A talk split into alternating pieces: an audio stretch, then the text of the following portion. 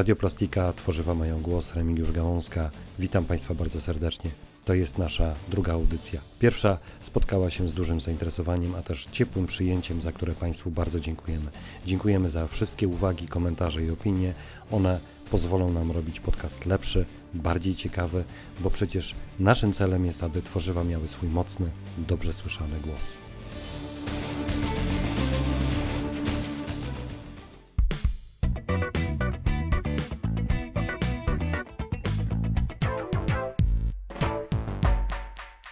To jest audycja Tydzień Plastiku, w której omawiamy najważniejsze branżowe wydarzenia w minionym tygodniu, a moim rozmówcą jest Robert Szyman, dyrektor generalny Polskiego Związku Przetwórców Tworzyw Sztucznych. Panie Robercie, dzień dobry. Dzień dobry Państwu, dzień dobry Panu. Tydzień temu rozmawialiśmy o naszej krajowej ustawie wdrażającej e, dyrektywę Single Use Plastics do Polski.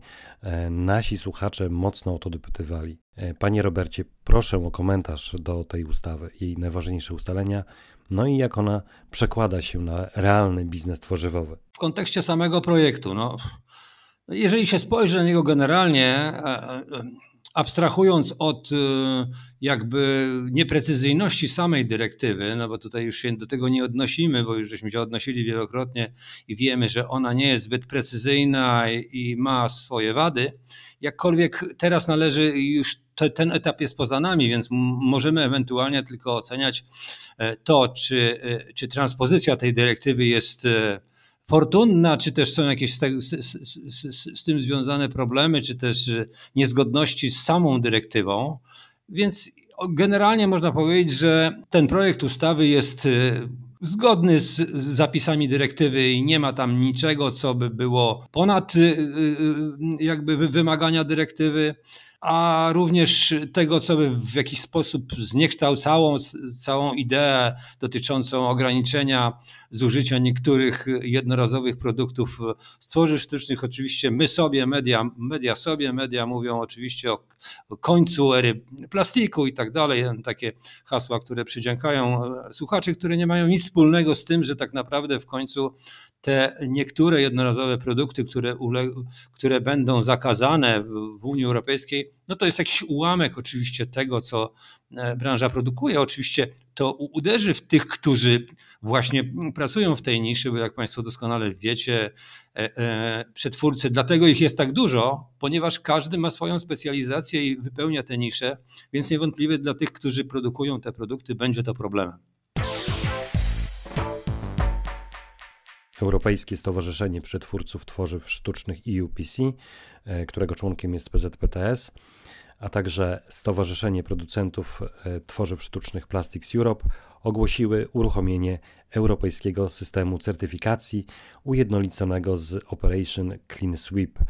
Ten system formalnie zaczął działać od początku lutego, a jego zadaniem jest m.in. stworzenie jednolitych procesów, ujednoliconej kontroli, a także dokumentowania strat granulatu w całym łańcuchu wartości. Panie Robercie, europejski system certyfikacji.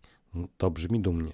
Tak, oczywiście. No, musimy tutaj dodać, że y, sam, sama idea Operation Clean Sweep to już jest kilka lat e, doświadczeń za nami. E, certyfikacja to jest dodatkowo jakby potwierdzenie, bo oczywiście My, e, łącznie z naszymi kolegami tutaj w Polsce z Plastics Europe, jesteśmy przedstawicielami tego programu i udzielamy czegoś takiego jak poświadczenie złożenia deklaracji, no, czyli certyfikacja e, dotycząca deklaracji tego, że będziemy, że, że dane przedsiębiorstwo będzie postępować zgodnie z zasadami Operation Clean Sweep, czyli dbać o to, aby te granulki, czy też płatki bądź proszek, w zależności od tego, jak, w jakiej formie ten surowiec trafia, do nich będą dbać o to, aby zastosować specjalne środki do tego, żeby te, żeby zabezpieczyć między innymi na przykład kratki ściekowe, bo jak wiemy, e, tutaj najszybciej te granulki mogą się przedostać przez kratki ściekowe i dalej do, trafić do rzeki, no i do akwenów e, morskich. Czy polskie firmy są zainteresowane taką certyfikacją? Czy macie dużo zapytań w tej kwestii? Szczerze mówiąc, trochę mnie martwi zbyt małe zainteresowanie, bo my już pracujemy bodajże nad tym programem ponad dwa lata, o ile pamiętam, e, przynajmniej. jednak większe zainteresowanie widzimy na przykład ze strony firm transportowych, które pewnie ten proces, dla, dla nich ten proces jest istotny ze względu na to, że wymagają od nich klienci ich tego, aby poddali się takiemu, takiej dobrowolnej procedurze.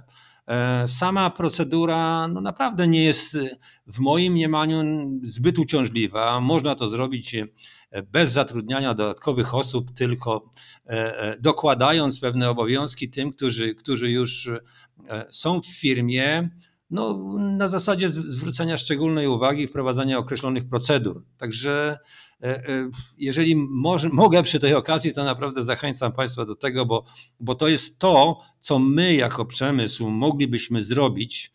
E, należy oczywiście powrócić do tematu, skąd tak naprawdę pojawiają się mikroplastiki. Oczywiście, jeżeli się spojrzy na analizy naukowe, no to ze strony przemysłu to jest 0,3% tak naprawdę całej ilości mikroplastików trafiających do akwanów wodnych ale my jesteśmy odpowiedzialni za te 0,3%, więc tutaj możemy zawalczyć. Oczywiście nie jesteśmy odpowiedzialni za około ponad 60% mikroplastików, które trafiają z, na przykład ze ścierania opon i z prania e, tkanin syntetycznych. No tutaj my jako przetwórcy niewiele możemy zrobić. Brytyjska Federacja Tworzyw Sztucznych udostępniła bezpłatnie w internecie praktyczny przewodnik dla przetwórców tworzyw sztucznych Net Zero. W przewodniku położono nacisk na porady praktyczne, które obejmują podstawy niezbędne do uzyskania neutralności węglowej, wykorzystywania energii odnawialnej, zmniejszania emisji w łańcuchach dostaw, jak również uwzględnia obszary, w których potencjalnie możliwa jest poprawa efektywności. Panie Robercie, nic tylko pobierać, czytać i się uczyć, bo jak rozumiem, nasi rodzimi przetwórcy też mogą skorzystać z tego poradnika.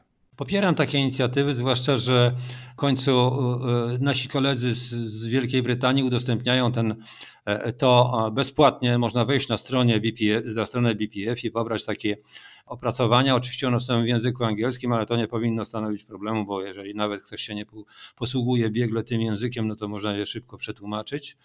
I zwłaszcza, że to są opracowania naukowe. No jak wiemy, nasz przemysł no nie jest tak obciążający jak chociażby przemysł produktów alternatywnych. No ale znowu powracam e, do tej kwestii. Róbmy swoje. No jeżeli my tutaj będziemy okurałem w kontekście e, zarówno wykorzystania e, źródeł odnawialnych energii, jak i minimalizacji wpływu naszej działalności w kontekście produkcji na środowisko, no to jak najbardziej powinniśmy iść w tę stronę, ponieważ no, przed tym nie uciekniemy, powiedzmy sobie szczerze, bo takie są ambicje Unii Europejskiej i, i ten aspekt będzie jednak coraz bardziej istotny.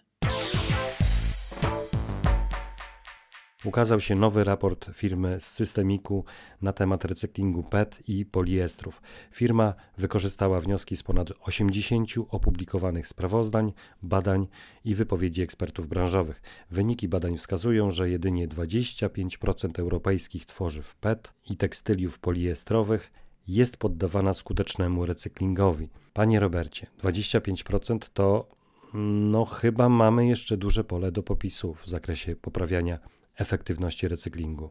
No tutaj zachodzi pewien, pewien proces, na który my też nie mamy do końca wpływu, bo jak wiemy, e, poliester to jest, jest bardzo wdzięcznym e, materiałem e, w produkcji odzieży. I stosuje się go dość powszechnie. Już nie wspomnę o tych tradycyjnych polarach, ale nie, nie, na polar, nie o polarach tylko mówimy, ale o, o szerszym spektrum odzieży i tutaj, e, jak spojrzymy na przykład e, na wykorzystanie płatków PET z, recyklingu, to ponad połowa idzie właśnie na przemysł odzieżowy. Część oczywiście również idzie na tacki, czyli na folię PET, z której później się produkuje e, opakowania, tacki i tak dalej. No i no, no trzeba niestety powiedzieć, że tych odpadów nie da się zawrócić już do butelek, czyli one są stracone dla butelek, więc butelki siłą rzeczy muszą się za, zasilać ciągle e, tym surowcem pierwotnym. No jest to pewien problem, I, i, I, niewątpliwie mm, recykling chemiczny może tutaj wiele zdziałać. No, jak, jak wiemy, oczywiście recykling mechaniczny jest, jest najlepszą opcją środowiskową, bo, bo w efekcie jest najmniej nie, niekorzystny dla środowiska, ale, ale oczywiście powinniśmy szukać e, możliwości wykorzystania większej jednak ilości odpadów, zamiast je e, składować bądź też spalać, no bo to jest na pewno najgorsza opcja środowiskowa. Firmy Genesis Plastics Welding i Renolit Healthcare Solution ogłosiły, że będą wspólnie poszukiwały alternatywy dla polichlorku winylu. Decyzja ta związana jest z deklaracjami Unii Europejskiej o wprowadzeniu zakazu stosowania szkodliwych grup chemicznych, takich jak wspomniany PVC czy też e, słynny bisfenol A, do roku 2030. Przejście na materiał inny niż PVC jest kosztowne, jednak producenci zaopatrujący rynek unijny będą musieli rozważyć wprowadzenie zmian, powiedział Tom Ryder, prezes i dyrektor generalny Genesis Plastics Welding. Tom Ryder dodał: Poliolefiny to dobra opcja. Trzeba sobie zdawać sprawę, że wykorzystanie w ogóle polichlorku winylu, no to oczywiście, jeżeli chodzi o, o sprzęt medyczny, to jest no tylko część i to nieznaczna. No głównie to tutaj budownictwo, przecież y, no co tu dużo ukrywać. No wszystkie, cała stolarka e, e, stoi na PVC, no, mówiąc krótko. Opinia publiczna nie, nie lubi PVC. No, naukowcy mają różne, różne na temat tego zdania. Twierdzą, że jeżeli jest coś zamknięte w matrycy polimerów, to, to, to nie emituje jakichś tam substancji szkodliwych, ale jeżeli już, to, to są on, one absolutnie bezpieczne dla człowieka. No ale cóż, e, musimy poszukiwać innych rozwiązań, bo czasami niestety e, nad e, dowodami naukowymi no, zwyciężają takie opinie obiegowe, które no, zwłaszcza naszego przemysłu dotyczą, jak choćby tych nieszczęsnych torebek foliowych, że to niby opcja alternatywna jest lepsza. Jak wiemy, nie jest lepsza i potwierdza to szereg badań. To już wszystko, co przygotowaliśmy dzisiaj. Bardzo serdecznie dziękujemy Państwu za dotrwanie do końca odcinka. Na kolejne podsumowanie tygodnia zapraszam w przyszły piątek. Jednocześnie życzę Państwu udanego tygodnia w plastiku. Do usłyszenia na kanale Radio Plastika. Tworzywa mają głos.